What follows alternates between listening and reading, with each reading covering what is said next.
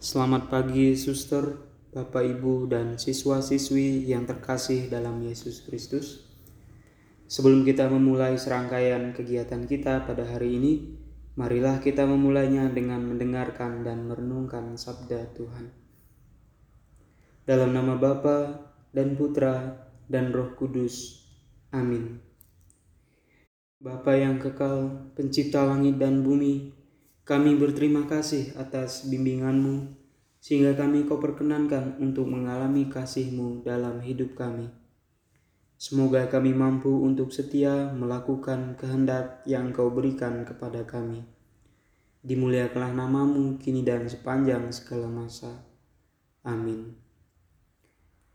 Inilah Injil suci menurut Lukas. Dimuliakanlah Tuhan. Pada waktu itu, ketika Yesus telah dekat dan melihat kota Yerusalem, ia menangisinya. Katanya, "Wahai, betapa baiknya jika pada hari ini engkau juga mengerti apa yang perlu untuk damai sejahteramu. Tetapi sekarang hal itu tersembunyi bagi matamu."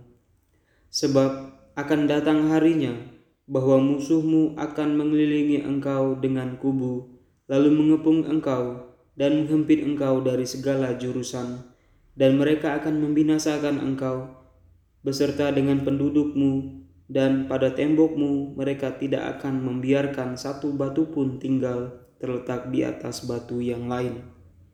Karena engkau tidak mengetahui saat bila mana Allah melawat engkau. Demikianlah Injil Tuhan. Terpujilah Kristus. Suster, Bapak, Ibu, dan siswa-siswi yang terkasih, hari ini kita diingatkan bahwa betapa besar kasih Yesus kepada kita manusia. Dalam Injil hari ini dikisahkan bahwa Yesus menangisi Yerusalem.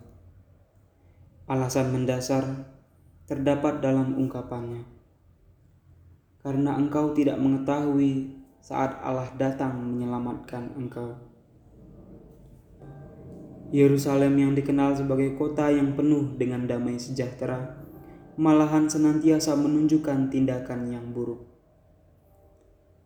Peristiwa menangisnya Yesus atas Yerusalem bukan hanya kepada kedegilan orang-orang Yahudi dan para pemimpinnya, tetapi juga untuk setiap orang Katolik yang menolaknya, baik sadar maupun tidak sadar, baik sengaja maupun tidak sengaja.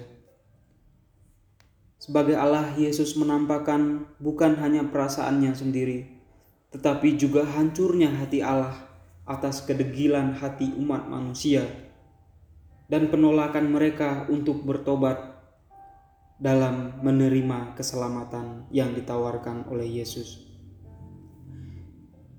Dalam kehidupan kita, Tuhan sering kali hadir, dan tanpa kita sadari, kita menolak keselamatan yang diberikan oleh Yesus. Sadarkah kita bahwa setiap hari Allah senantiasa menyelamatkan kita,